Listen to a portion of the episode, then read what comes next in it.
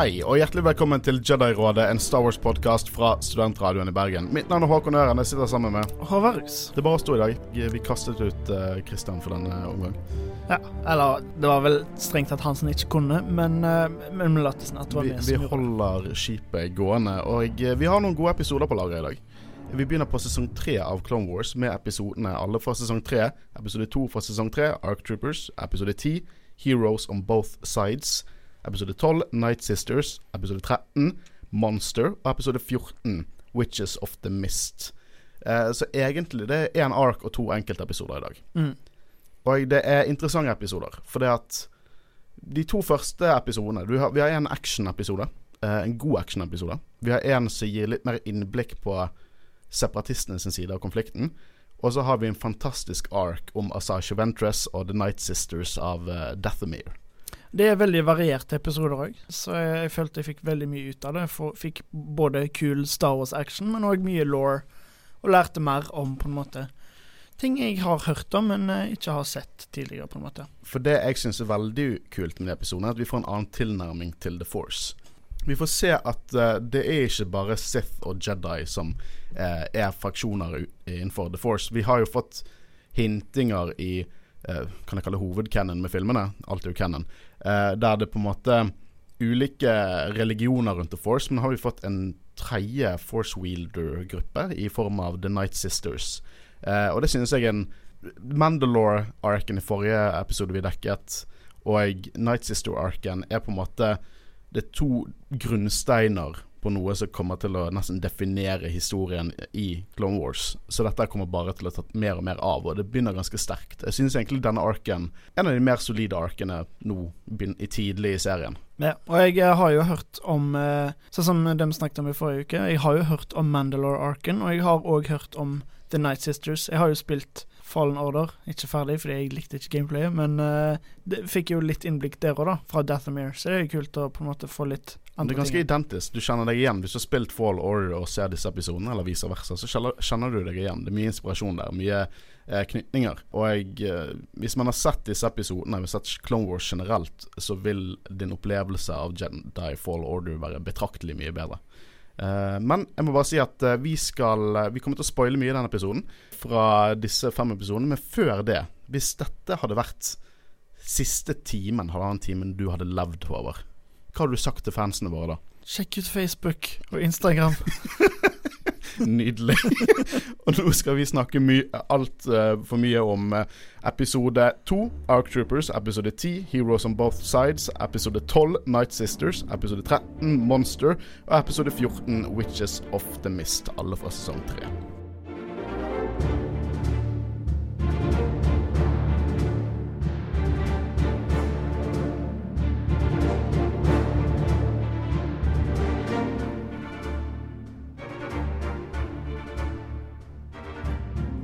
Greit. Episode to av sesong tre, Ark Troopers. Eh, oppfølgeren, eller du kan si nesten lille konklusjonen i trilogien, som er Clone Cadets og Rookies, som er to episoder vi har vært eh, gjennom tidligere.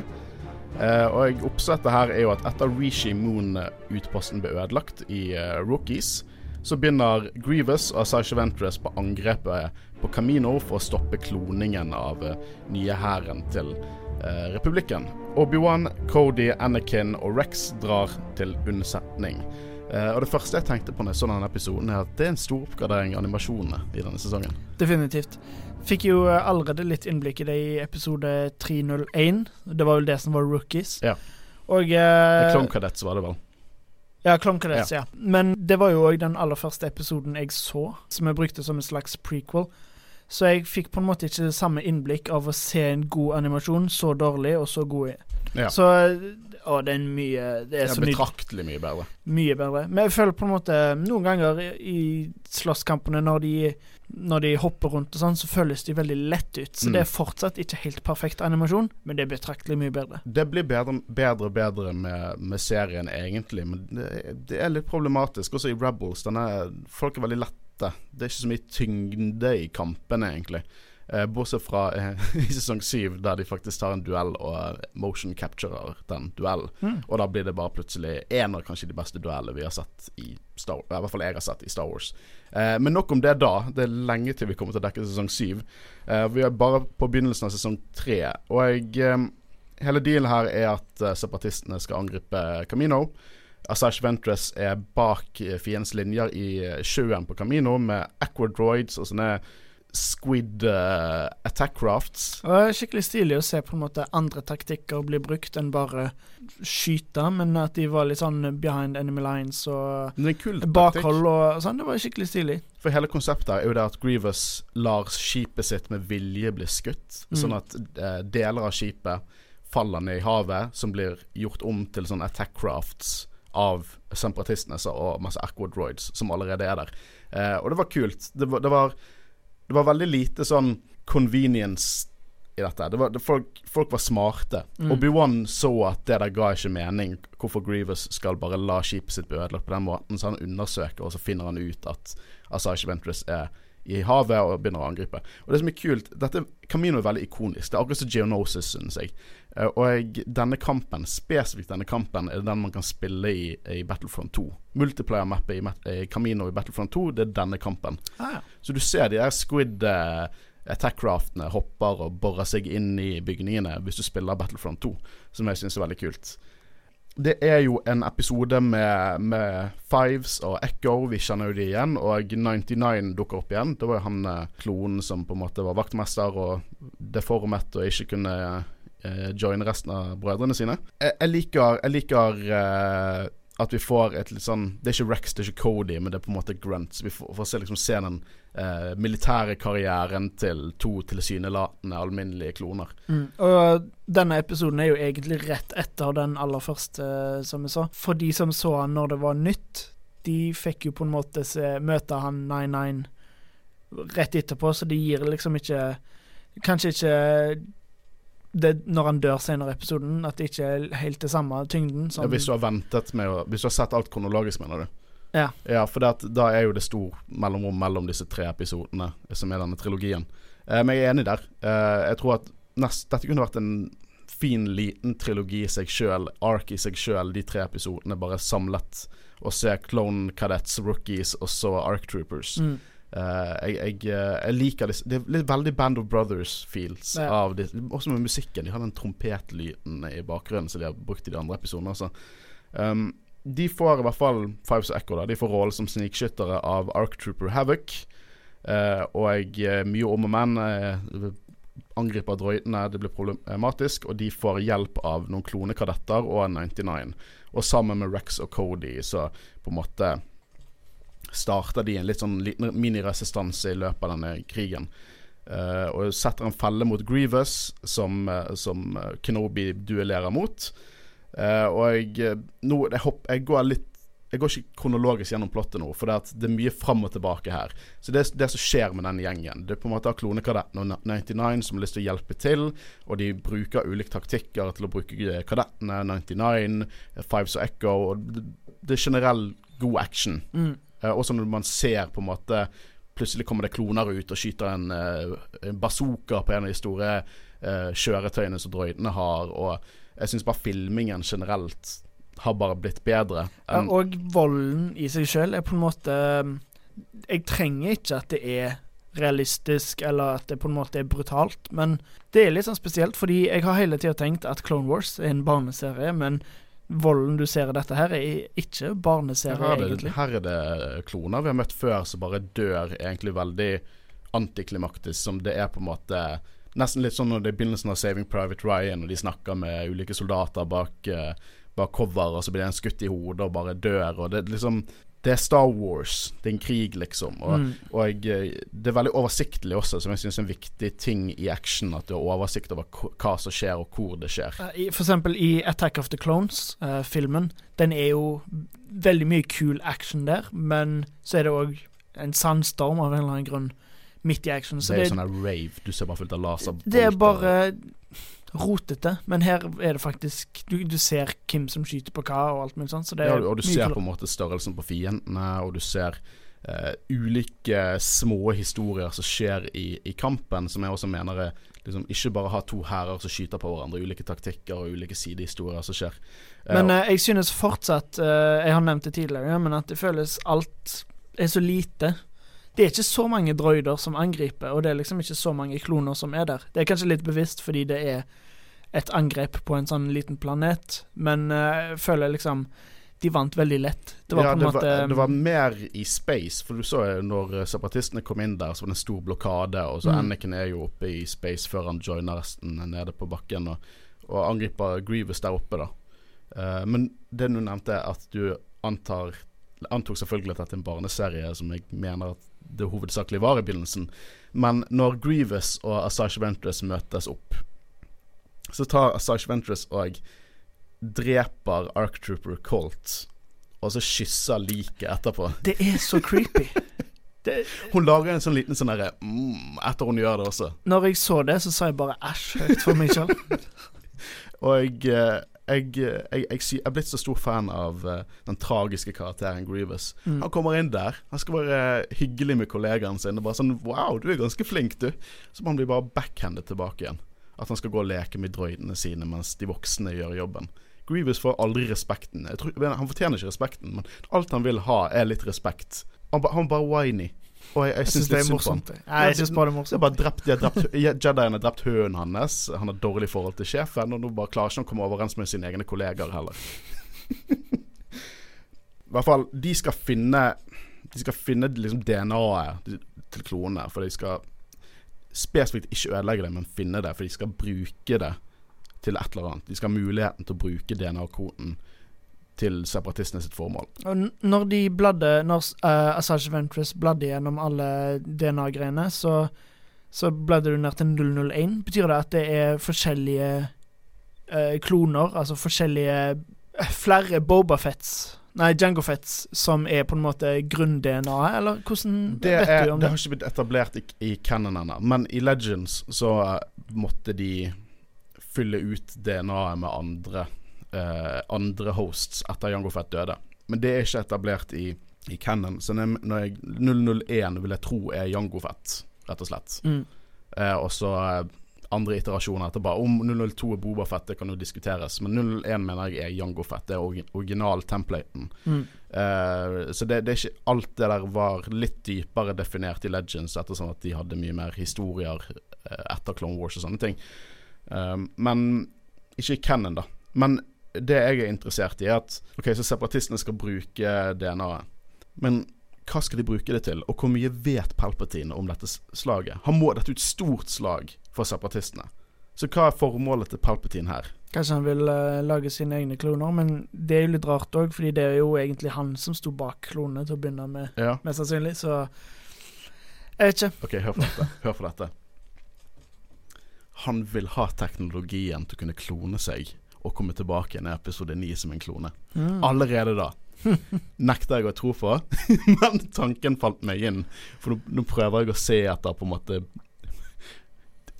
oppbygginger og foreshadowing til at han kommer tilbake i episode 9. Men da trenger du ikke Jango Fett sin DNA, da. Nei, men det, det er bare jeg som trekker etter uh, strået. Sant? Jeg, jeg mener jo ikke det, men eh, jeg er interessert i Og det er en frustrasjon gjennom hele Clone Wars, er at hvor mye av alt dette som skjer, vet Palpatine. Mm.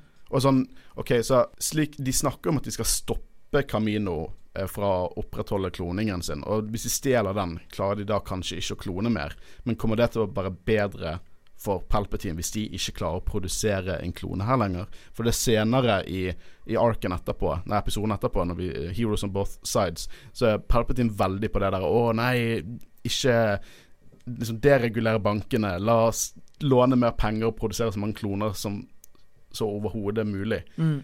Så jeg vet ikke om, om dette er sånn falske ting, at han bare vet at de ikke klarer det, eller om han har en eller annen plan om at de skal klare det.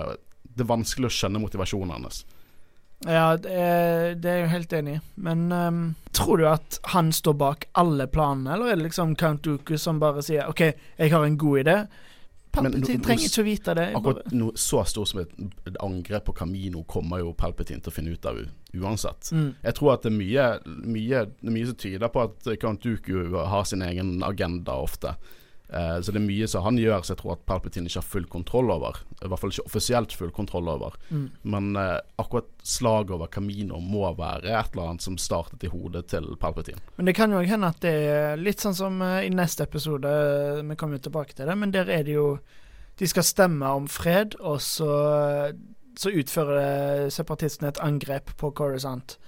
Og det kan jo hende at det er litt det samme, at eh, Palpatine regner med at det vil bli slått ned på på Camino, og at de bruker det som provokasjon til å liksom gjøre andre ting og slå tilbake, og liksom kanskje han kan si Ja, men se nå, de prøvde å stjele klonene. Vi må produsere flere, liksom. Ja, mens, ja. før de klarer det Det igjen, er et godt liksom. poeng. Det er godt poeng. Det, det har jeg ikke tenkt over. Det er jo veldig godt poeng. Det er min canon nå.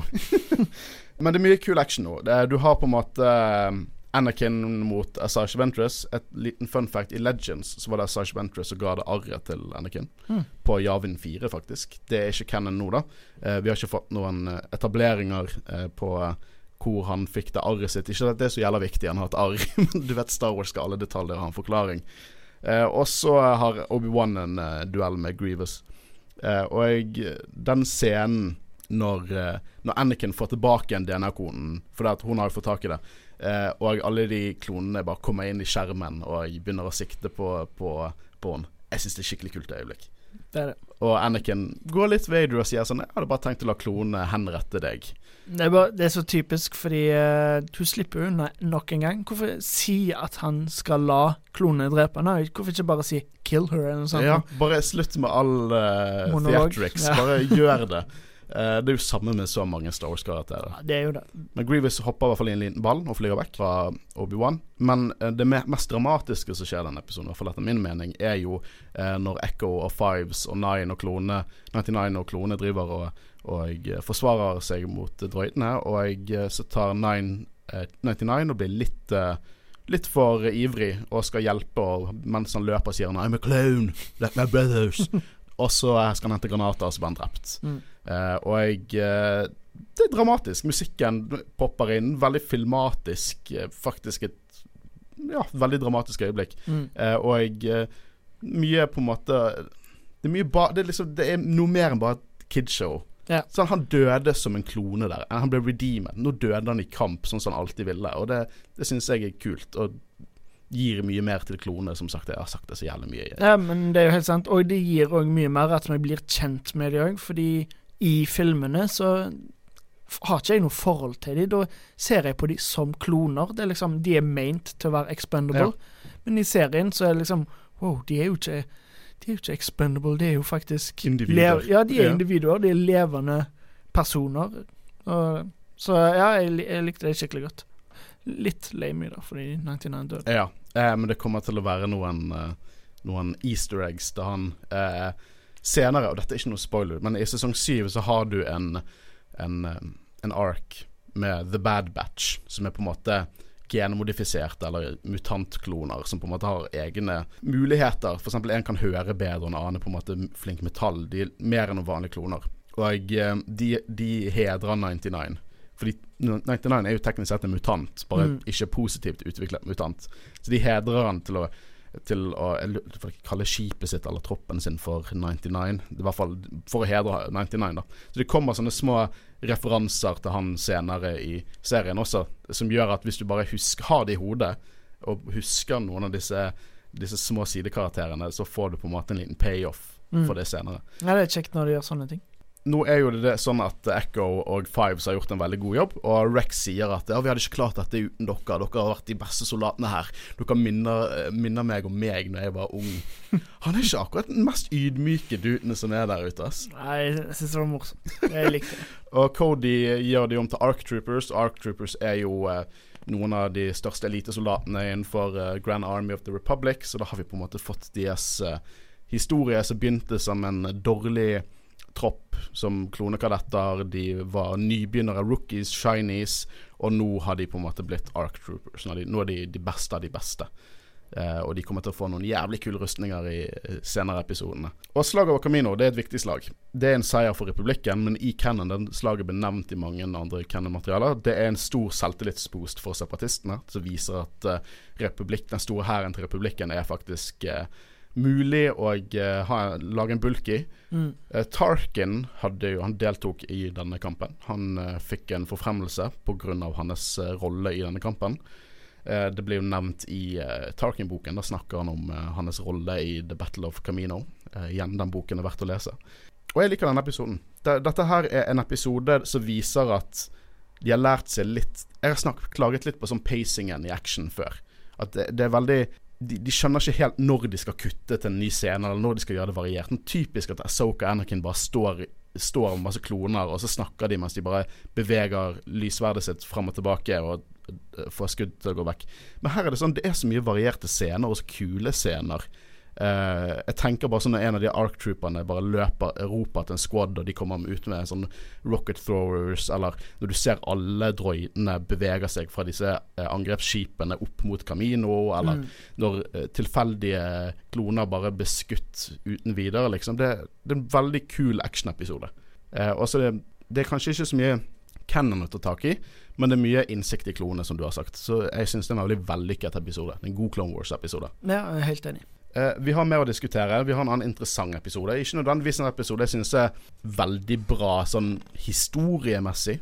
Uh, jeg syns ikke liksom det er veldig spennende å se på det, men det vi får vite der, gjør at du får mye mer innsikt i universet. Og det er heroes on both sides.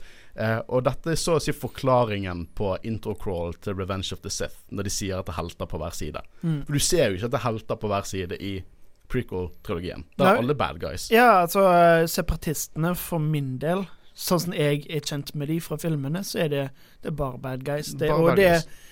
Jeg har ikke tenkt over at det er senatorer og alt mulig sånn. For jeg har på en måte tenkt at det er bare generaler og som styrer, men det er jo ja, de, har mye, de, har et parlament. Får uh, mye mer innblikk i det, og som de sier, likte veldig godt uh, samtalen uh, Asoka hadde med sønnen til uh, Med Lux Bonteri. Mm, det var, vi kommer tilbake til det, men det var veldig Veldig kult. og det, jeg synes det er kult også det at du har liksom republikkens senat, som er litt sånn sci-fi-versjon av liksom det klassiske sånn romer, romerske senat, sånn med de sirklene og store plattformer i senatet. Og så har du separatistenes parlament, parlament, som er veldig som parlamentet i, i Storbritannia. Mm. Der du på en måte har et veldig firkantet rom og uh, seter som går oppover. Og eh, tar helt klart sånne små eh, ikoniske designvalg basert på vår verden, som jeg syns er kult. Uh, men denne episoden begynner med at senatet diskuterer om de skal produsere flere soldater, til tross for at eh, republikken holder på å gå konkurs. Eh, så hele samtaleemnet handler om det å eh, deregulere bankene for å kunne ta mer lån, som høres så sykt uansvarlig ut. Det høres ikke ut som en veldig spennende episode, men det er akkurat det jeg liker med sånne øyeblikk i Star Wars, der du får mer det er ikke bare action, men òg få vite mer om politiske ja, og ting. Verden. Og, det gjør at verden er mer troverdig. Jeg har ingenting imot politikken i Star Wars. Nei. Det er ikke det mest spennende. Nei, det er ikke nødvendigvis det eneste jeg vil se i filmene. Eh, Nei, jeg tror at hvis jeg hadde sett denne serien når jeg var liten, så hadde, hadde Jeg hadde gått rett over hodet mitt. Da, ja. Jeg hadde ikke skjønt noe. Jeg hadde syntes dette var verdens kjedeligste episode. Mm. Uh, men jeg synes den er superinteressant nå.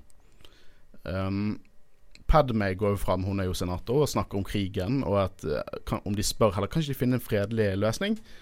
Og alle er bare sånn Nei, vi vil bruke mer penger på kloner, og separatistene onde dyr. Vet du hva? Republikken, til og med uten Palpatine på, på toppen, de er bare bad. Ja, du har et par gode politikere der inne, sånn som Mon Mothma og Bale Organa og Padme Amidala, men fy faen så mye sketchy folk som sitter i det senatet der. Og det er jo eh, flere som òg går imot republikken og liksom betrayer dem og alt mulig sånn. Så, ja. Denne episoden går jo inn på det at jeg ikke engang Anakin skjønner hvorfor de har en krig. Ja.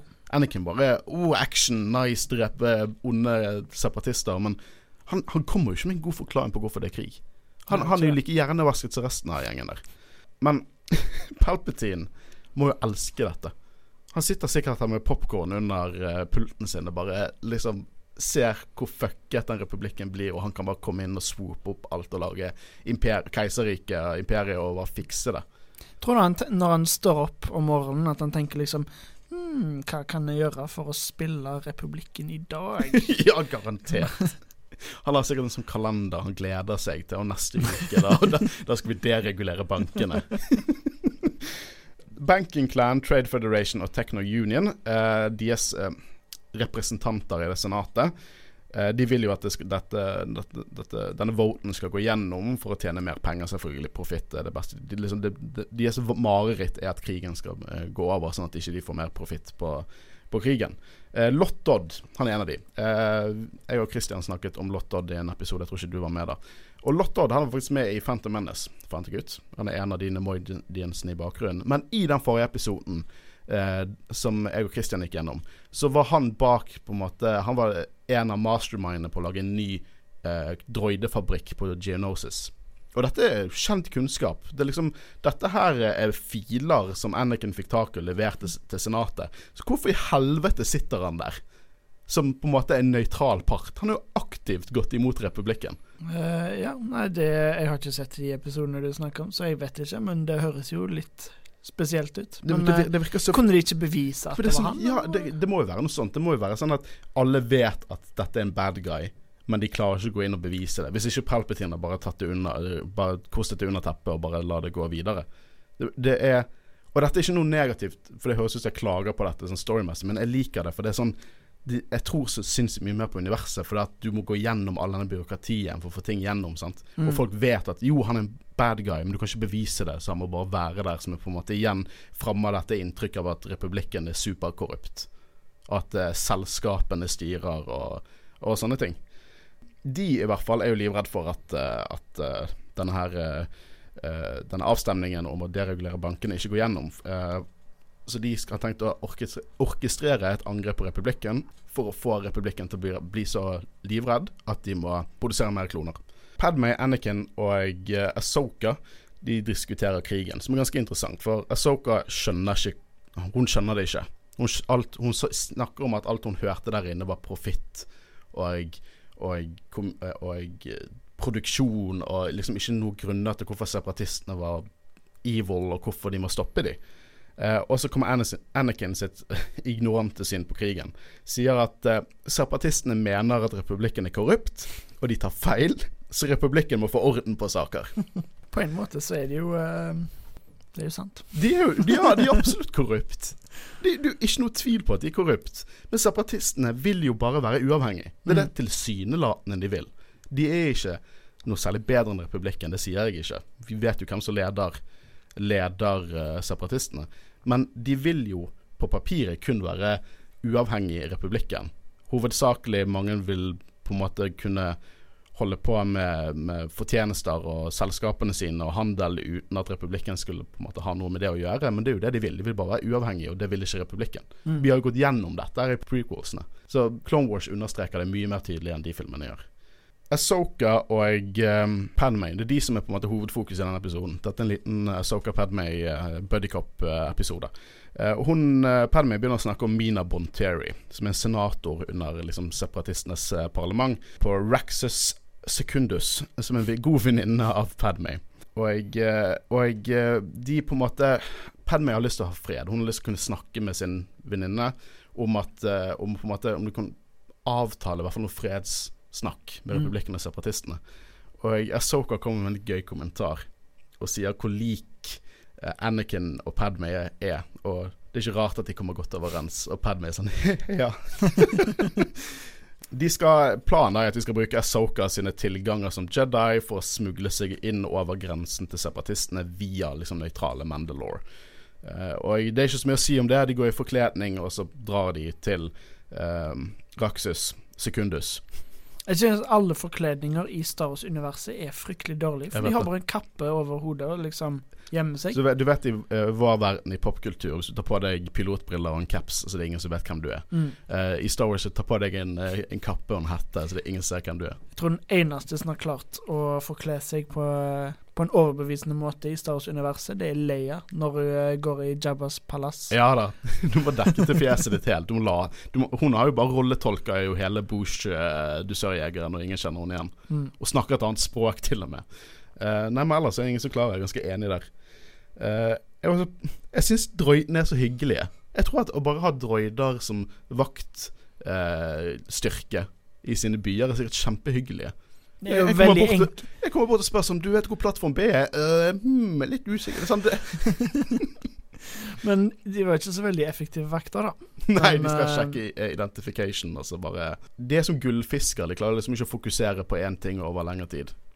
Og jeg, vi har jo snakket litt om, om droider og de, hvor effektive de er i kamp. Og det er jo Separatisten sin framgang der er å produsere så mange som mulig til å på en måte ta over. Men burde ikke de ha noen litt mer intelligente eh, droider eh, når det skal være mindre vaktstyrker? Ja, I det minste en eller annen slags offiser, eller noe sånt, noe Ja. som faktisk er smartere. Men eh, de, de, var det på eh, Mandalore vi så der, eller var det Hadde de kommet seg videre? De hadde kommet seg videre til Raxus der. Ja, okay. Men det er faktisk en episode i senere tid da de er på Mandalore, der, som er veldig sånn kult. For de, har en litt sånn kalde krigen-opplegg, at de møtes på nøytral eh, sted. Og så har du kloner der, og så har du commando droids, og de er på forskjellige grenser, men de har ikke lov til å skyte på hverandre. Fordi at det er liksom Da kan ikke de ikke, fortsette krigen på nøytral grunn. Mm. Eh, så du begynner å få litt sånn kalde krigen-mentalitet med litt sånn grensene fra republikken til separatistene, så jeg synes også det er veldig kult. Eh, men de møter i hvert fall eh, Mina Bonteri og sønnen hennes Lux Bonteri. Lux og eh, Ahsoka eh, Dette er ikke siste gang vi ser den duoen der. De, han kommer til å være med flere ganger. Ahsoka begynner jo egentlig å lære litt av separatistene her. For dette er to vanlige individer som er separatister. De er ikke kloner Nei, de er ikke droider. De er ikke store edderkoppmenn som styrer droider. De er vanlige mennesker som bare tror på eh, ideologien og tankegangen til separatistene. Mm. Eh, og det er jo litt Litt voldsomt for Asoka. Hun er jo ung. Hele livet hennes, i hvert fall livet hun kan huske, som har blitt fortalt at separatistene er onde, og vi må stoppe dem. Eh, så hun tenkte, Hun går gjennom mye sånt i denne episoden. Det er sånn snakk om at faren til Lux ble drept av kloner når han forsvarte planeten sin, eller der han var, når de invaderte. Eh, og jeg, eh, det ble snakk om på en måte de har et parlament, de er tilsynelatende demokrati. Og Asoka får en innsikt som jeg tror kommer til å forme hun som karakter. For jeg og Christian har snakket litt om det. Uh, på den, det var mye som skjedde den gangen du var vekke. Vi snakket litt om at Asoka er rett og slett en kopi av Anakin. Mm. Og det er sikkert derfor Anakin ser så mye Eller er så glad i henne, fordi han ser seg sjøl i henne. Og jeg tror at Asoka er som Anakin, bare med, med innsikt. Litt mer kontroll. Så hun, hun, hun klar, Hun på en måte Hun stiller mer spørsmål til ting som Anakin egentlig bare Har akseptert. Ja.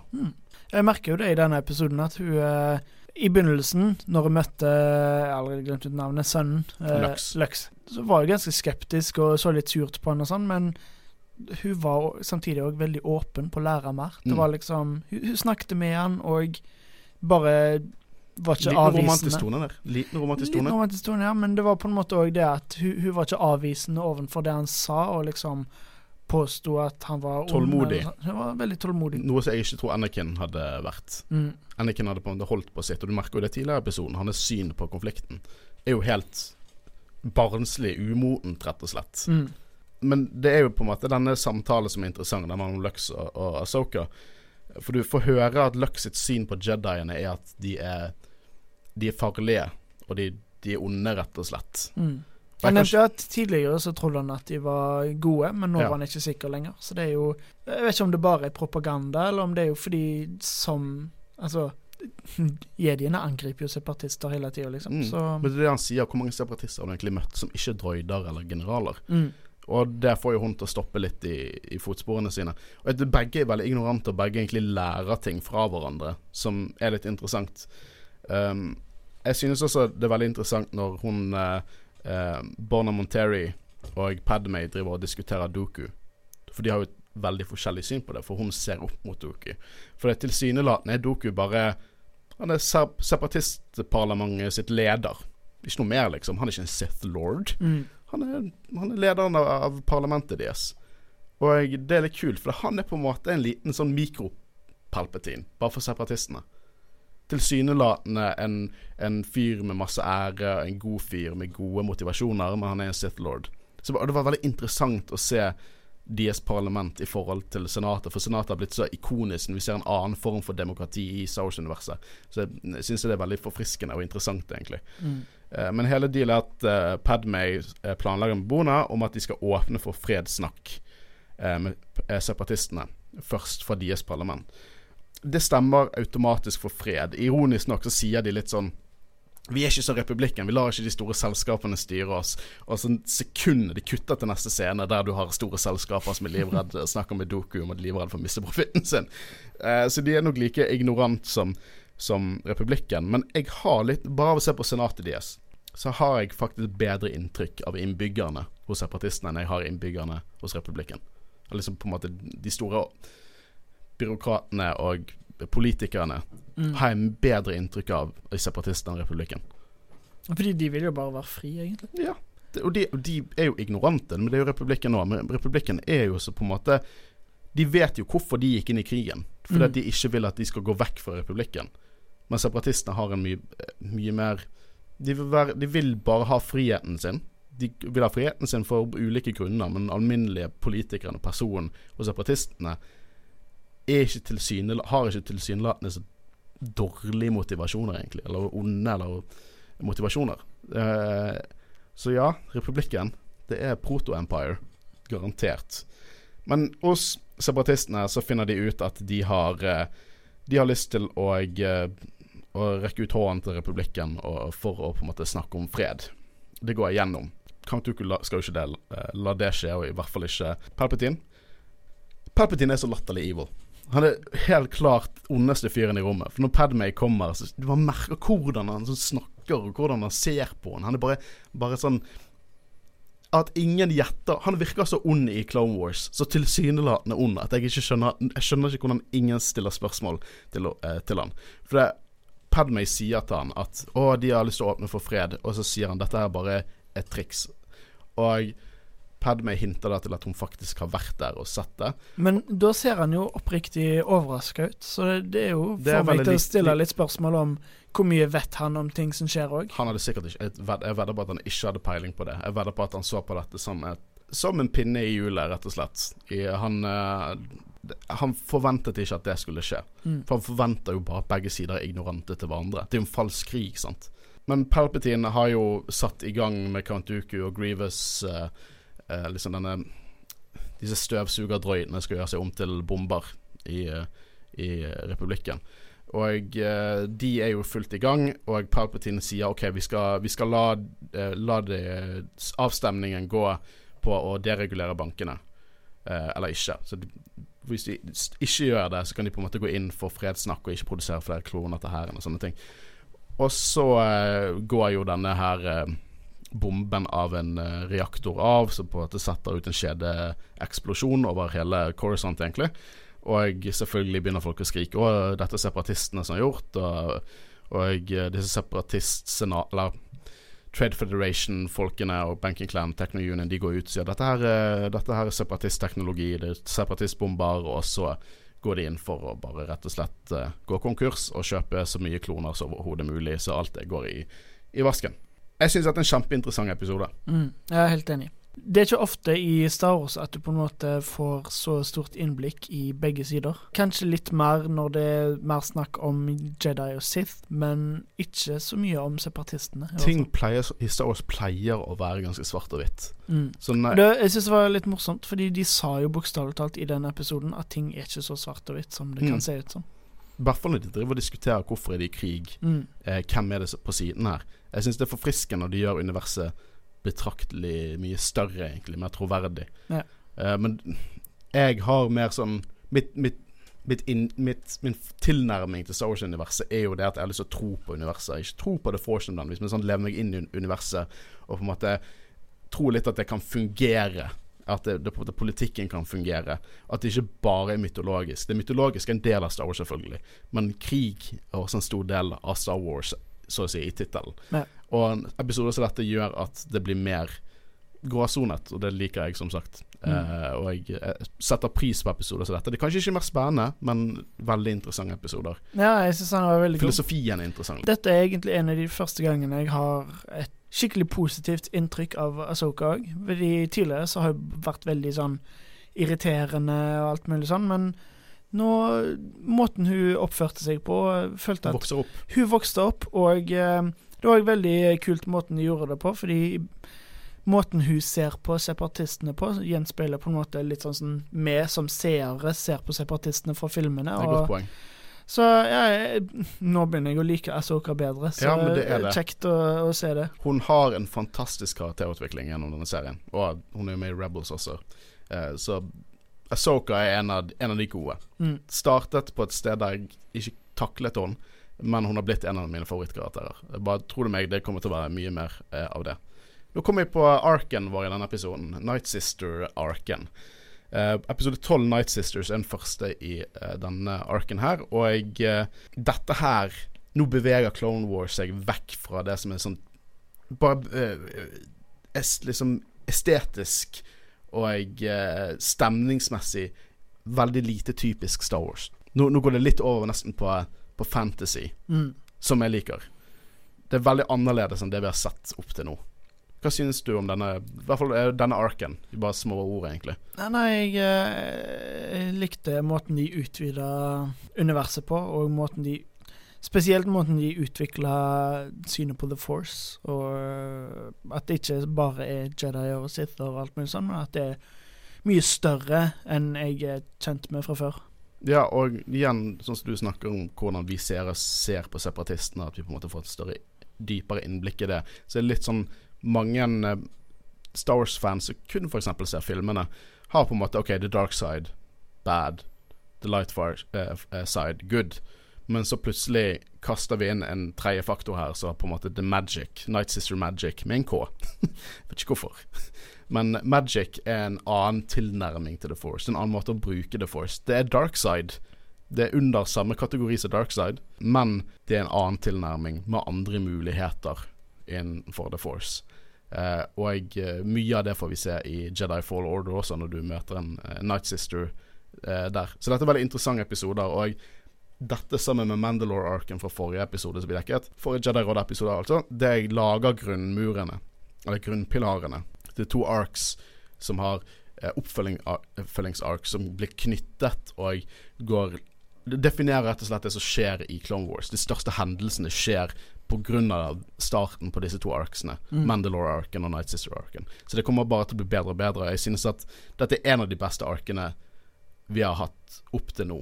Jeg er helt enig. Dette begynner jo med at uh, Count Dooku har en liten samtale med Sidious. Sidious merker at Asash Ventress begynner å bli mektig, og rett og slett vil kvitte seg med hun. Han er redd for at uh, Count Dooku skal bruke henne til å på en måte gjøre henne om til Sith og ta over, rett og slett. Drepe Sidious, at de to skal styre. Og jeg syns ikke det er urealistisk at Jeg syns det er ganske sannsynlig at det egentlig hadde vært planen til Count Dooku i, i, i lengden. Så jeg skjønner jo hvor Sidious kommer fra, men hele dealen her er jo det at uh, Count Dooku rett og slett glad i Ventress. Mm. Han sier at hun betyr mye for han, men han gjør det da. Han, han kvitter seg med henne under en kamp mot eh, republikken, og eh, får sine egne styrker, på, eh, styrker til å skyte på skipet hun er forlatt på. Men hun kommer seg eh, vekk, da, mens Dooku tror hun er, hun er død. Og det Ventress gjør, er at hun eh, haiker et piratskip etter litt trusler og dreping av piratene som er der. Det er vel mer det at hun stjeler piratskipet etter å ha blitt fanga av de, da. Men, ja. Som, eh, som jeg liker Jeg liker sånn comeuppance. Så du har disse piratene som eh, kidnapper henne og på en måte truer henne, og så bare går hun amok med The Force der. Mm. Og hun reiser til Dathomir. Dathomir, noen fakta rundt det. Darth Maul sin hjemplanet. Disse episodene er på en måte litt i legacyen til Darth Maul. Det er navnet som på en måte blir nevnt nesten som en liten sånn Nesten som Sauron benevnt i Ringenes herre, på en måte. Han er, de er liksom i skyggen til Darth Maul. Eh, som sagt, uh, i Jedi Fall Order så besøker du planeten, så mye av uh, De har på en måte ikke gått vekk fra designet og det ikoniske med Dathomir. Det er fortsatt det er sånn det ser ut i Clone Wars, det er sånn det ser ut i Jedi Fall Order. Vi får se den magicen til Night Sisters. Grønn, veldig tråker og mye grønn farge i ikonen. De hadde en veldig, som sagt, magisk mm. tilnærming til The Force. Er magic er, het, Blir det kalt The Force? Er det en del av The Force, eller er det bare på en måte Jeg tenkte litt når jeg så det, fordi de sa jo ikke spesifikt at det var The Force. Tidligere så har jeg ikke likt Midichlorians. Jeg syns Mm. det er skikkelig teit, men det kan jo gi mening hvis det på en måte bare er at alle har Midichlorians, men de bruker det på forskjellig måte. Ja, for det, Midichlorians Clone Wars går jo inn på dette med Midichlorians, at det er ikke så rett fram som man skulle tro det. At det er Jediene som på en måte har prøvd å lage statistikk på The Force framfor å på en måte være det spirituelle. Det går vi inn på. Det er noen fantastiske episoder eh, så vi snart skal gå gjennom der vi går virkelig inn på dette med midichlorians. Men The Force i seg sjøl er jo noe som Jedi og Sith på en måte kaller det. Så Midichlorians er på en måte mer en uh, Jedi construct for å forklare det? Ja, de forklar ja, for å forklare det, rett og slett. Eh, I noen senere episoder av Clone Wars så går de faktisk inn og sier sånn Det dere kaller midichlorians, er egentlig bla, bla, bla. bla, bla. Mm. Okay. Ok. Så du har på, og du har, Jeg skal ikke gå helt inn på det, for jeg har ikke akkurat det sitatet i hodet, men spesielt Quaigon som kommer tilbake igjen fra de døde, eh, han, han har full innsikt på det. Han har en, forklaring til Yoda hva det vil si. Du har egen, egne episoder som er Mortis-arken, som vi snakker gjennom, som er veldig mytologisk og veldig inn på hva The Force er. Jeg har faktisk lyst til å ha en episode bonuspodkast der vi diskuterer hva egentlig er The Force, basert på det vi kan om Star Wars. Mm. For det, det er en interessant diskusjon uten spesifikke, klare svar. Men Magic er absolutt The Force. Det har blitt bekreftet i Cannon, f.eks. I, eh, i Jedi Fall Order. Så sier eh, de at de er Force wielders. Okay. Uh, det er bare en helt annen tilnærming, en helt annen bruk av The Force. Savage Press uh, møter jo Night Sisters og Mother Talcin. Og vet du hva? Jeg tror Angelina Jolie kunne spilt henne perfekt i en live action-film. Ja, når du sier det. Men det er egentlig mest bare fordi hun ligner Hun på ligner. rollen i uh, Maleficent. Ja, men også i, ja, men også i, um, i Beowulf så har hun kind of samme dialekt Mm. som Mother Talson. Jeg, jeg tror hun kunne spilt en jævlig bra Mother Talson i en live action-film. Men hvordan er familiegreiene der? Er, det er ikke faktisk moren, det er bare mer sånn en kult at hun er Det, ok, Så Deathmere er veldig eh, fascinerende, for det at det er bestyrt av kvenene på Deathmere. Og mennene er rett og slett breed, breeders. Er det litt sånn som i Rick and Morty-episoden, der kvinnene styrer planeten, og så at mennene bare er til for å Ja, ja rett og slett. Det er det det er. De er bare der Liksom for Mennene blir brukt, og de blir valgt ut til å være mates. Ikke noe valg i det. Og kvinnene styrer det. Så når de skal få flere døtre, så finner de seg en Sabrak som er der. Eh, har det gøy, hopper i høyet. Får eh, de en guttunge, sender de til resten av mannfolkene. Får de en datter, så blir det opplært til å være, eh, være en Night Sister. Eh, og det er jo ganske tragisk, for det er der Darth Maul kommer fra. Han var en av disse male Sabrakene, og han var faktisk sønnen til Mother Talcin. Ok, Så han var faktisk sønnen til Ja. det. Men også litt vanskelig å tenke, for det jeg, slik jeg har forstått det og lest det i, i Canon, er han er sønnen til Mother Talcin. Men jeg er litt usikker på hvordan det fungerer, for alle kaller hun Mother Talcin. Mm. Og flere av Night Sistersene Vi får jo se moren til I flashbacks får vi se mor, Det tolkes moren til Til uh, Asajj Ventress, og det er jo ikke Mother Talcin, det er en av Night Sisterne. Så jeg vet Jeg får nesten litt inntrykk av at alle på en måte er mødrene deres Mm. Og kon... Det er veldig fucket, egentlig. Men uh, Mother Talcin, designet hennes, er konseptkunst til Darth Maul. Ja, ja. Nice. Uh, for at når, når de skulle designe Darth Maul, så uh, var det en som bare lagde en konseptkunst av noe han hadde hatt i mareritt. Uh, og Hun er ganske skummel, så jeg, jeg ser den. Ja. Og jeg eh, hadde gitt det til George Lucas, og han bare sånn wow. Nei, ikke det, men ta vare på det. Det skal jeg bruke senere. Og det ble Mother Talson, rett og slett. Men har de, har de kvinnelige også sånne pigger og Det det streker ikke i vet. fjeset? For det at eh, de Sabrackene som er der, er Dathomirian Sabracks. Ja. Er Mother eh, Altså, de kvinnene der, er de sabracks? de Det er bare Dathom eh, Dathomirians, rett og slett. På Wikipedia står det at det er Dathomirian female.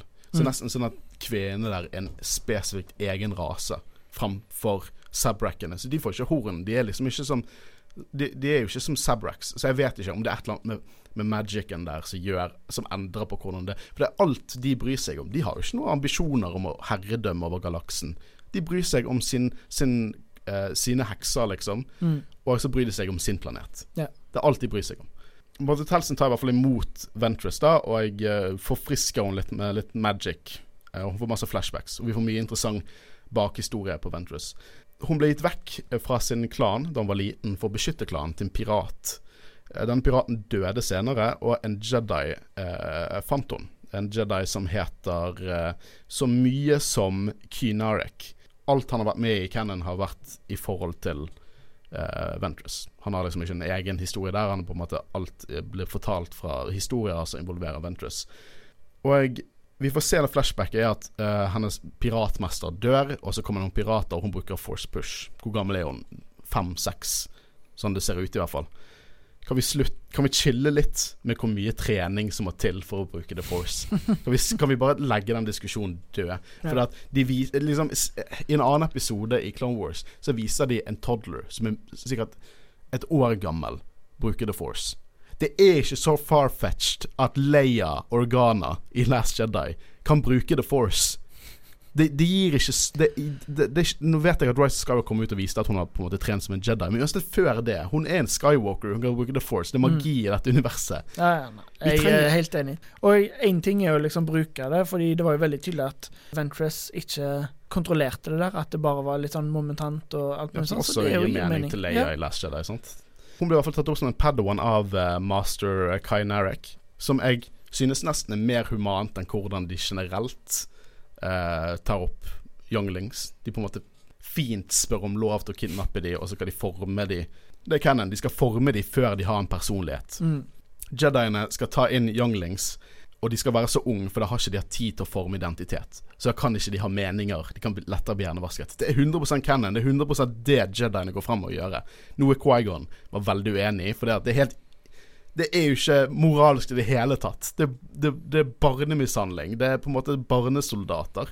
Men her har du en mester som redder henne, og tar henne opp til å bli en Jedi. Og da syns jeg det er litt bedre. Ja. Så vi får se litt sånn flashbacks der hun driver trener med mesteren sin, og har det egentlig veldig bra tilsynelatende. Men når mesteren hennes dør, så faller hun helt klart til the dark side. Eh, Hun blir funnet av Dooku, som, eh, som tar rollen som mester for henne. da. Og nå vil Ventress ha hevn på Dooku for å forlate henne og prøve å drepe henne. Eh, så det er det Mother Talcin skal hjelpe henne med. da. Så det Talcin gjør Hun gjør Ventress og to Night Sisters usynlig. Og det høres veldig far-fetched ut, men det er, det er ganske kult. For eh, magicen kan gjøre så ekstremt mye wacky shit. Så hvis du har sett det i en live action-film, og du- folk hadde hatet det. Når du ser det i Clone Wars, og, de gjør noe lignende i Jedi Fall Order, så er det bare kult. De gjør The Force enda mer magisk og my- mystisk, og Mm. det digger jeg. Uh, for det prequelsene i seg sjøl var veldig på The Force var liksom ikke magi der. Det var mer noe praktisk man kunne bruke. Det var mer videogamey. Uh, og jeg, nå tar de nesten litt mer til klassisk originaltrilogi, der det på en måte er noe magisk man ikke helt klarer å forstå det på en måte er der. Og du kan på en måte ikke bare skrive ned på papir hva det er. Jeg likte òg måten det virka på en måte litt mer fysisk, fordi de hadde jo sånn der en grønn drikke som de drakk litt av. The water of life. ja, som de òg eh, Når de ble usynlige, så var det jo en masse sånn røyk som kom opp. Det var liksom Mm. ikke bare at de knipsa, og så, og så var de usynlige. Det var mer sånn fysisk bruk Ja, av The Force. Det, ja, jeg er veldig enig. For, for sånne ting kan fort bli litt for cheesy. Mm. Men jeg syns de klarte det ganske bra her. Ja, Jeg synes det. Uh, de gir i hvert fall Night Sister og Ventress uh, noen eh, Jedi-våpen, uh, lightsabers, og eh, noen giftpiler for å på en måte hemme Duku, da. Jeg vil nå tro at de angriper Duku, legger merke til uh, Sith-pyjamasen hans. Veldig, veldig fint. ja, det er en skin i Battlefront 2. Det heter ex Exquisite Pyjamas. uh, og de skyter ham med pilen, og han på en måte begynner å nesten bli blind og blurry og, og klarer ikke å se så godt. da Og så blir jeg tenkt at hadde ikke han følt nærværet til sin gamle elev, selv om han på en måte ikke kunne se hun. Og da begynte jeg å tenke sånn Ja, det kan være noe sånt at, at man må på en måte kunne fokusere. Og han, han er veldig opptatt av akkurat det. Han kan ikke se, og han slåss mot tre tilsynelatende jedier. Mm. Og uh, han uh, lukker øynene når han slåss, så han må jo bruke fokuset på å oppdage de, og ikke Ja. bare hvem det Det faktisk syns er. jeg er en grei forklaring på det. Mm. For det, det er veldig eh, ofte folk kan på en måte Å, hvorfor senset han ikke det? Uh, og så kaller det plot hole, men ikke nødvendigvis et plot hole. Jeg bare sier at folk er mindre skeptiske til ting som skjer i Clone Wars, hvis det hadde skjedd i en live action-film, hvis faen hadde de klaget på det. Mm. Uh, det er derfor jeg bare Jeg synes at, at Ryan Johnson Han er stor fan av Clone Wars. Tror dere meg? Kan jo også ha litt med det at det er faktisk George Lucas som står bak dette her, så da Mm. er det lettere å akseptere, kanskje, enn at Ryan. Johnson har gjort noe nytt. Men det, det er Han Det er som sagt sykt mye i Clone Wars som tyder på at Ryan Johnson har tatt inspirasjon derifra. Mm. Dette går jo ikke bra, da. Han er en Sith Lord, og du merker på en måte hvor kraftig han er. Han bruker uh, Force Lightning til rett og slett kaste de ut av uh, huset sitt på Serrano. Det er forresten der han kommer fra. Han er en Serrano Noble som kommer derifra. Talsin uh, tar imot de, og hun er, veldig, hun er veldig støttende mor. De kommer tilbake og bare 'Å, vi feilet'. Og så forventer du litt en person som ser ut som en kvinnelig Satan, skal på en måte være som Count Duku er, liksom, og på en måte ikke aksepterer feil. Men hun bare sånn Nei, nei, kom hit. Det folk ser på som, uh, som feillykkelse Hva, hva prøver jeg å si? Det som folk ser som failure, uh, ser jeg som uh, måte å, å, utnytte situasjonen på. For at nå vil Count Duku Han er nervøs, han vet at noen er ute etter han, han trenger en bodyguard eller assassin. så hun kontakter Duku, og, og sier at ja, jeg hører at du ikke har en, en en apprentice lenger. Og han bare sånn Hvordan vet du det? Hun kom fra vår planet. Jeg, bare, jeg var magisk, jeg vet sånne ting. Og han bare sånn OK, fair enough.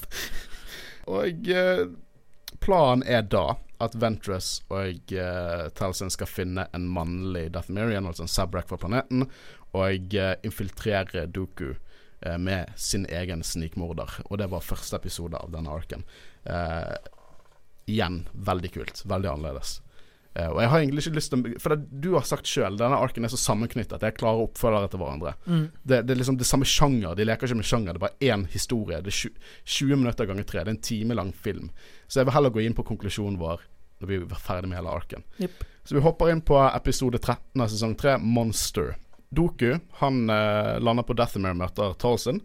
Og han bruker første sjansen til bare sånn Hei, har dere lyst til å joine separatistene, liksom? Det, dere er ganske mektige. Og hun sier at uh, nei, det de vil ikke gjøre. Alt de bryr seg om, er Deathemere og Night Sister og klanen. Og jeg, her er litt interessant, for vi får vite det at Talson skylder en tjeneste til Doku. Han har hjulpet hun for lenge siden. Doku hjalp Mother Talson sammen med Jediene. Han var Jedi når han hjalp henne. Så tyder på også det at Night Sisters har ikke tilsynelatende noe problem med Jedi. Uh, for all del, de har til og med kanskje et godt forhold til dem. Mm. Som er interessant. Du har Darkside Users, som ikke er nødvendigvis er fienden til The Jedi. Men Mother Towson, uh, nå kommer det en bitte liten lordump. Hun har et ekstremt hat for Darth Sidious og The Sith, derimot. Ettersom at Sidious han besøkte planeten deres for lenge siden, og han ville ha Mother Talson til å være hans apprentice. Det skulle være, liksom det skulle være det, Før Darth Maul så ville Sidious ha Talson som sin apprentice.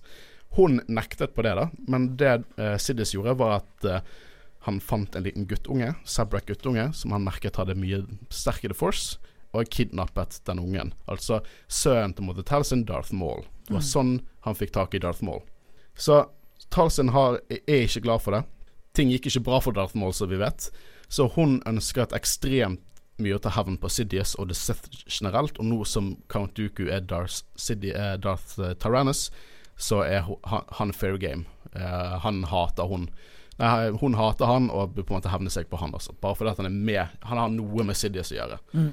Uh, som jeg syns er interessant. Uh, vi får ikke nødvendigvis vite så det er hintet til i Clone Wars, men Extra Cannon har på en måte utforsket det litt. Jeg tror det ble nevnt i um, noen av Darth Maul-tegneseriene, faktisk. Eh, de har ikke jeg lest. Jeg har på en måte lest uh, Jeg har lest Cliff Notesene og sammendragene derifra. Men det er også, jeg har hørt at det er ganske gode tegneserier som går litt mer inn på, på, på dette her. Jeg har jo allerede nevnt dette med Sabrackene og menn fra denne planeten. da uh, Men nå skal Doku og Talsin De skal diskutere litt Darth Maul, som er kult. Jeg får, alltid, frysninger når hun på en måte spør Doku om Har du kjennskap til krigeren Darth Maul. Og jeg og liksom hans tilsynelatende død, diskuterer de. Og Telsin hevder at det finnes en, av, en gruppe fra Mål sin, sin, linje, liksom. Hans familie, hans brødre, i en, planet på, en by, landsby på andre siden av planeten. Og jeg, han, når hun sier at han kan få en av hans folk til å bli hans nye apprentice, og det er jo Duku superhypet for. Mm. Uh, han vil ha en Darth Maul 2.0 til å være under seg. Så Talsen skal bruke magien sin til å manipulere denne subracken uh, til å gå imot Duku. Men før det skjer, så må de finne denne subracken, og det er Ventress som skal gjøre på den planeten. Velge rett og slett en mann. Og da får du litt sånn Spartacus-opplegg. Du har på masse sånn gladiatorkamper. vi får møte to spesifikke subracks som er Farrell og hvis du synes det er on the nose-navn, skal du høre neste. Savage og Press. Nei, jeg sliter allerede med å huske om det er blander allerede Savage og eh, Nei, Savage Oppress og Asaj Ventress. Assange Ventress, ja. ja. Dette, dette er Porkins-nivå. Ja. Navngiving, liksom. Dette er, sånn, dette er Harry Potter-navn. Du bare tar og Det verste er at når du møter han, så er ikke han Han er liksom en ganske rasjonell dude. Han vil bare beskytte broren sin. Og så blir han liksom et stort hulkende monster, og da er han Savage Oppressed. Det liksom, da matcher navnet hans. Mm. Men det er litt sånn sånn Det er litt sånn hvis du får en datter, og så kaller du henne Crystal Chandelier og forventer at hun ikke skal bli stripper. Det er Star Wars-logikk. Det er super-cheesy, men jeg kinda liker det. Savage Press, jeg syns det er et godt navn, selv om det er latterlig on the nose. Mm. Jeg blir vant til det. Men det er bare en annen Det, det er jo Savage Oppress, egentlig. Yeah. Men det uttales litt annerledes. Men det er jo akkurat som Darth Sidious, Tyrannus, Maul. Det, det, du, du, du bare tar karaktertrekkene og gir ditt navn. Det, det er Star Wars.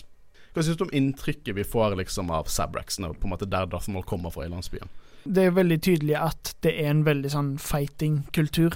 Og eh, det virker jo som om Altså, det gir mening det du sa tidligere om at de er der for å på en måte bli eh, mates. Eh, fordi de er jo gladiatorkamper, og mange av de dør.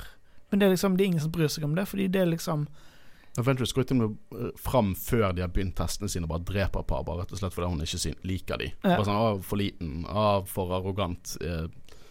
Så ja, det er jo Jeg får mer sympati for Sasha Ventress, men denne episoden heter Monster. Helt klart at er Savage Oppressor skal være monsteret. mm. Men fy søren, stakkars fyr.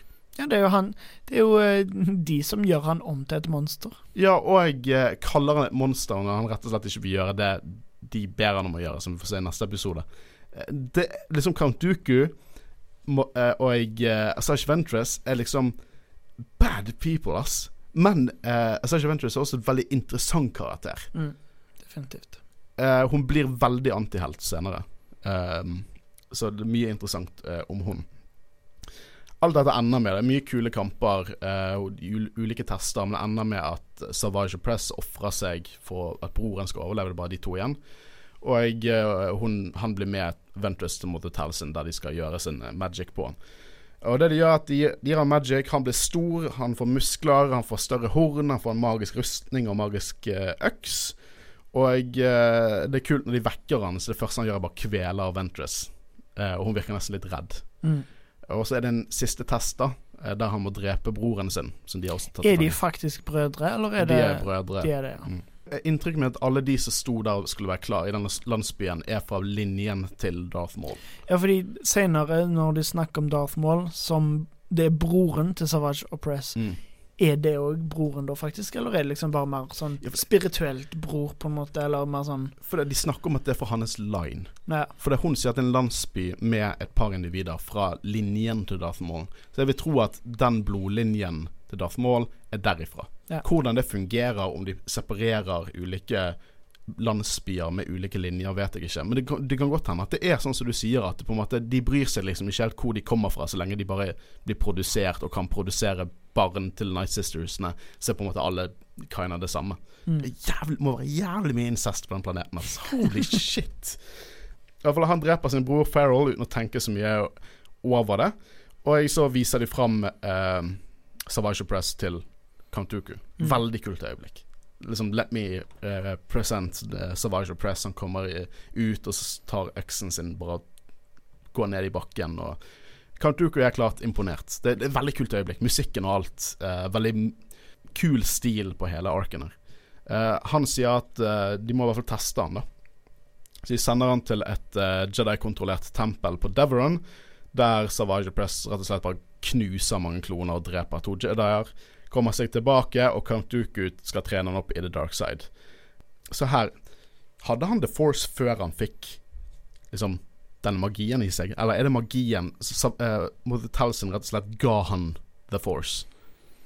Ja, jeg lurte, satt faktisk og lurte på det sjøl, fordi uh, det, jo, det virker ikke som om noen av de andre Sabrakene har noe særlig force. Eller sånt, Men men, det tror ikke jeg heller. men det kan jo òg hende at det er litt sånn at, at de har det, men at de bare ikke har lært å Ja, at de ja. ikke har lært å kontrollere det. det jeg, jeg vet For det at Talcin sendte jo Ventress der bare du må velge den mest imponerende individet du finner. Mm. Og så skal han på en måte bli sleeper agenten under Count Duku, men da er jo det innforstått at han må ha The Force. Ja. Count Duku hadde ikke tatt en apprentice ikke hadde The Force. Så enten er det det at de har The Force liggende og de kan vekke det hos de, eller at rett og slett magicen kan gi The Force til dem. Bare at de blir en monster. De blir jo en annen person, rett og slett. Ja, for det var jo veldig tydelig at han var på en måte hjernevaska, fordi eh, han var under deres kontroll, og han drepte broren uten å tenke Ja. seg om, liksom. Kult design på han, da. Salvation Ja. Oppress. Han er på en måte liksom Målet på den smidige assassin, på en måte. Han her er liksom store gladiatoren, nesten. Uh, helt sikkert over to meter høy, store horn og rustning og på en måte litt sånn Litt, eh, litt mer Ikke så sterk rød farge, på en måte mer oransje, mørk-oransje farge og horn og alt det. Jeg syns det er veldig kult design. Nå er jo Doku superimponert, og jeg skal ta han under eh, være mesteren hans. Og sier at å, vi skal regjere galaksen sammen, vi skal ta over for Sidious. Og der har du alternativet originaltrilogien, at keiseren er Count Dooku og Vader er Savage Press. Jeg tror det kunne blitt kult, det òg. Kanskje vi får noe sånn what if-greier som Marvel gjør. Det er vært løye. Eh, dette blir konkludert i siste episode av denne arken, som er episode 14 av sesong 3, Witches of the Mist. Og denne første scenen her er så innmari kul. Og denne lille scenen, som var et par sekunder, gjør at Delta Squad fra Republic Commando, som er et Legend-spill, gjør det canon. Republic Commando er canon, og vi får se eh, Boss, Sav, Scorch og Fixer, som på en måte Det er Black Ops. Eh, klontropper. Det er på en måte de beste av de beste. De har vært på Devron og tar med et lik tilbake igjen og forklarer at alle på Devron er døde. Eh, De forteller det til Plo Koon og Obi-Wan og noen andre Jedier. Innmari kult at denne scenen er med. Det, det på en måte Jeg får frysninger av hvor kult det er. Bare ser den skåten stå der oppe med de lysende visorene sine i regnet. Bare Cinematografien har blitt så mye bedre altså. Mm. Og dette er så sykt awesome fanservice-episode. Eh, øyeblikk. Og det, de ble også, eller den type kloner, ble også nevnt indirekte, eller egentlig ganske direkte, i Attack of the Clones. Da sier eh, Du skal Pons, han som døde forrige gang. Eh, Clone Commander Mhm. Pons sier til Mace Windu i Attack of the Clones at, eh, at han har hva, fem special eh, commando units eh, waiting orders, og da snakker de om en Republic Commando-gruppe, sånn som de vi ser her. Okay. Jeg hadde bare ønsket at det kom mer ut av det. Jeg håper de, jeg håper de lager en Cannon-spill av Republic Commando og bare tar det konseptet videre. Det hadde vært så sinnssykt kult. Vi får se Darkside-trening, som er en interessant parallell til egentlig Yoda og Luke sin trening. Eh, De gjør det samme, bare at han torturerer han. ja, bare sånn det du ber om er umulig, og så begynner han bare sånn torturere han med force lean, og så til slutt kan han på en måte løfte disse bjelkene, da. Eh, så neste test er at Count Dooku vil at han skal reise til Toideria og ta med seg eh, Dette skrev jeg ned. Kong Katunko eh, med tilbake levende. Samme rase som Watto fra Phantom Menace. Yoda og Mace kaller Obi-Wan eh, inn til et møte der de har funnet et hologram fra Deveron. Og eh, Obi-Wan får panikk, for han tror det er Darth Maul. Eh, men det viser seg at Obi-Wan bare er rasist, for han tror at alle eh, Dathomirian Sabrax er samme person. Eh, men de vil jo helt klart vise liksom det at er Darth, er Darth Maul et eller annet med Darth Maul er tilbake igjen. Det, alt det de bygger opp til her. Obi-Wan drar sammen med, med Anakin Dathomir til den landsbyen, da. For å finne ut om, om denne monsteret. De er veldig dømmende, sier han. Dette er ikke en Sith. Dette, er ikke en Jedi, det er et monster. Bare, bare jobb, eh, arbeider med Han er bare impulsivt og farlig monster. Og De kommer til eh, landsbyen og begynner å kjempe mot brødrene, rett og slett, eller de som er igjen. Og eh, Anakin klarer å gå over til han Jeg husker ikke hva han lederen i landsbyen heter. Han faktisk snakker i Jedi Fall Order-spillet. Du hører på en måte stemmer som er hans. Men uh, han dukker opp, tar han som gissel, og så stopper de å angripe. Og eh, de finner ut at, eh, at eh, Savage Nei, Asage Ventress hadde tatt Savage som en mate og dratt til Mother Talison. Og jeg liker sånne små detaljer, sånn at Anakin storkoser seg når alle er livredde. Han sånn alle de bare sånn Hvem faen er denne fyren? Han bare går der og koser seg. Han, han bare bader i den frykten fiendene har for han. Det er ikke rart denne fyren her ble Darth Vader. Ja, nei. Og uh, Obi-Wan sier jo uh, 'do not harm them', og så da ser han Ja. skikkelig irritert ut. Liksom bare OK. Ja. Litt psyk uh, psykopatfakta på han Anakin. Jeg liker også at når de kommer til Talsin, uh, så begynner uh, Obi-Wan å snakke litt om Night Sisters, og så sier Anakin at dette går fint. I tend to be popular with the ladies. og så sier Obi-Wan too popular. Kanskje lite hint om at han skjønner at noe er på gang med Padmay og Anakin. Mm. Men uh, denne scenen her, så er det noe jeg syns er skikkelig kult. Det var jo Vi har sett det i Det var vel i den første episoden av Arken òg. Men de der uh, buene Mm. med, med laser, eller ser ut som en laserpil. Skikkelig kult konsept. Mm. Interessant konsept, liksom. Noe nytt og kreativt. Mm. De blir jo brukt i Jedi Fall Order mye. Så det er basically, egentlig bare en mindre effektiv bla blaster, da, kanskje. For det er jo ikke en fysisk pil.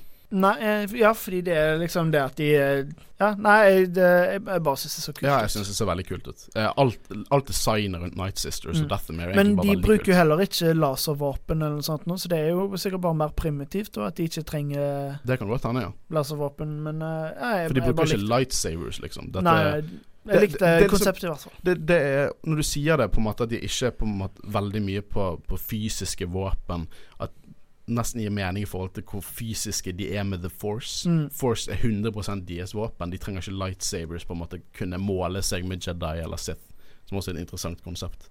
Tolson snakker med Obi-Wan og Kenobi, og jeg, hun er ganske hyggelig. Liksom Dette går ganske godt for seg, som også får meg til å tro at hun ikke nødvendigvis har noe imot uh, The Jedi. Det viser seg at hun forteller de da, rett og slett hvor Savage er, Mm. som jeg syns var litt rart.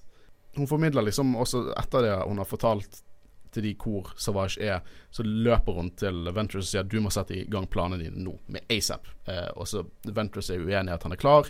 Savage altså, men nei, nå vet Jediene hvor han er, så de må dra.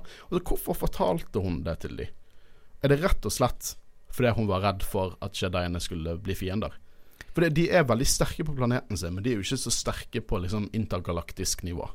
Det vil jo gi mening, det, egentlig, fordi eh, de vil jo eh, Jeg tror bare ikke Talson har lyst til å blande seg i krigen. Nei, det virker jo sånn, og spesielt måten eh, hun snakket med Duku òg, at hun vil ikke bli med separatistene, og da hun vil vel være alene, på en måte, og da er det lurt å ikke Det pisse er jo off lurt, det gir mening. For det er typisk når du ser en sånn karakter som Tolson, og hvordan hun ser ut, og hvordan hun på en måte bærer seg sjøl. At hun på en måte er en som mener at hun er allmektig, men hun har på en måte Hun er veldig umenneskelig, men samtidig veldig menneskelig. Mm. For jeg, jeg, jeg tror det at eh, hvis ikke hun hadde fortalt Jediene hvor Savage er, så hadde de ikke hatt informasjon, så de bare gjettet OK, men du lagde Savage, eller du, han kommer fra dere, så dere må ha vært på lag med separatistene, ergo dere er i krig med oss også. Ja. Så jeg synes det gir mening. Um, Savage og jeg er jo på Toyderia, og jeg eh, har en liten kamp mot Obi-Wan og, og Anakin. Eh, det ender med at han dreper Katunko og drar med seg liket, bokstavelig talt. Doku er selvfølgelig veldig skuffet og sinna og bruker Force Lightning mot Savage. Jeg liker den der eh, Savage sier 'Forgive me, master', og så sier eh, Doku 'That is not the way of the dark side', som er kult. Uh, Ventress dukker endelig opp og vekker Savage. Han er så å si en sleeper agent. For jeg fikk inntrykk av at først før jeg har sett denne episoden, så tenkte jeg ok, han, er, han vet hva han gjør, liksom. Men for alt Han blir bokstavelig talt brukt. Det er ikke sånn, Mm. De har hatt en liten sånn briefing med han. Ok, nå skal du være undercover. Nei, han tror han jobber for Kantuku, og han vekker de han. Han blir brukt av alle parter her. Og hele dealet at du får en jævlig kul kamp. Der du har tre dark side users som bare går amok på hverandre. En kamp vi aldri hadde sett i live action. Mm. Med litt sånn hint av Duel of the Fates i bakgrunnen til tider. De tull, to tullingene som er Duku og Ventress, de driver jo plager Savage, og Count Duku driver og forcelightninger han, og Ventress kaller han et idiot og et beist hele tiden. Så til slutt så gidder ikke han mer. Så det, han går helt amok, og det blir en free for all. Der alle prøver å drepe alle. Og jeg synes litt synd på Savage. Han, han har ikke bedt om noe av dette her. Nei. Han ble bare Alle de han på en måte tilsynelatende skal se opp til, bare trakker på han enten fysisk eller mentalt. Og alle kaller han monstre. Så med en gang han har bare hatt dette drittet med disse to folkene, så løper Anakin og Obi-Wan inn og bare sånn 'Å, det er monster! La oss ta han!' Hva faen? Eh, Så nå begynner han å kjempe mot Anakin og eh, Kenobi, mens Ventress går mot Duku. så du har på en måte to parallelle kamper. Eh, ender med at Ventress flykter, og at droidene prøver å drepe Savage, eh, som Anakin Obi-Wan synes er litt rart. da eh, Savage slipper til slutt eh, unna, og det samme gjør Jediene. Og det er en kul kamp. Jeg synes mye kult som skjer her. Eh, veldig Som sagt, de har lært seg dette med pacing Mm. og, og varierte kamper. Jeg er for en gangs skyld glad at det ikke var en klon eh, konklusjon på at noen døde eller noe sånt, nå, fordi jeg har lyst til å se mer av det. Mm. For jeg føler det det er heller ikke noe sånn Hva vi lært i dag? Nei, nei. Men tidligere så har det vært så, så on the nose at liksom uh, hun Ventress bare I'll see you again next time, Jedis! Og så bare hopper vi. Og så, eh, men nå det liksom Nå gir det mening, og jeg er glad for det, for jeg har lyst til å se Mm. mer av alle sammen. Du kommer til å få se så mye bra. Dette er ikke det beste det, med Deathmere og Ventress og, Savage engang. Dette er bare begynnelsen. Det er bare toppen av isberget. Det kommer til å bli så sinnssykt bra. Savage drar til Modetel sin, og jeg snakket tidligere om at Kantuko og Asage eh, Ventress er bare bad. Men Savage eh, Asage Savage, det er litt forvirrende. Men Tolsin, hun er the good guy. Hun tar imot Savage og bare sånn Å, kom her, min sønn. Og eh, han er på en måte klager. Han er ikke sterk nok til å gå imot sine fiender. Så hun sier at han skal finne sin bror for å, eh, for å trene under.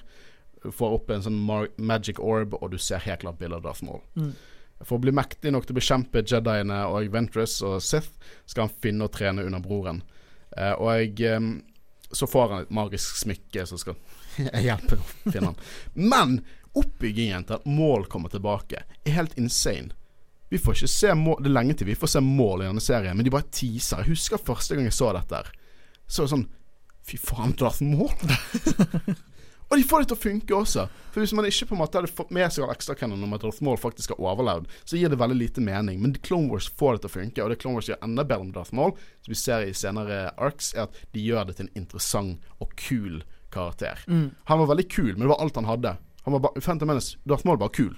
Han hadde ingenting annet. Veldig kul, eh, ser ut som en Satan med to lightsabers, sant? men i Clone Wars gjør han til en ekte karakter. Til, til faktisk en med motivasjoner, og, og det er masse sånn politiske intriger med han. Det, det, kommer til å være så mye bra med Savage og Maul i episodene fremover. Ja, Og jeg, akkurat nå skulle jeg ønske at jeg hadde sett Clone Wars tidligere, fordi um, jeg har jo sett Solo, der er jo mål med, og jeg har jo fått med meg at han lever. Så det var liksom Det var ikke samme inntrykket, men jeg kan tenke meg at jeg skulle ønske at jeg hadde samme eh, Ja. opplevelse som du hadde. Liksom bare Wow! Darth Maul, hva gjør han her, liksom? men uh, ja, men jeg syns uansett det er veldig kult måten de uh, gjorde det på. Ja, den, denne arken synes jeg bare Som du, du sa før vi begynte å spille inn, det er som en film. Mm.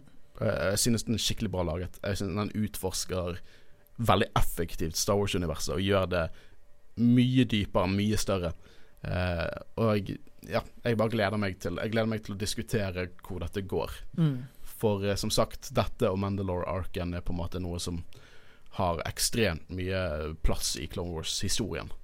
Uh, det er en fantastisk serie, i hvert fall når du holder deg til de gode episodene. Ja, men tenk om de hadde gjort hele serien sånn som dette her. Nesten som om liksom istedenfor 20 episoder, at de hadde 10 episoder på en, en time. Liksom sånn HBO-aktig. Ja, det, Skikkelig kult. Det hadde jeg foretrukket. ass. Det, det. Men eh, nå er det sånn Ja, for det, hvis du skal ha dette forholdet til Clone Wars som eh, Hvis du ikke har sett det før, du vil ha et godt forhold til Clone Wars, så se, se de gode. De Mm. essensielle. Og det er det vi har prøvd å gjøre med den listen vår som vi poster på, på Instagram og Facebook. Eh, så hvis du som lytter ikke har sett Clone Wars ennå, følg med på den listen. Ja. Lover dere Nå har dere et valg.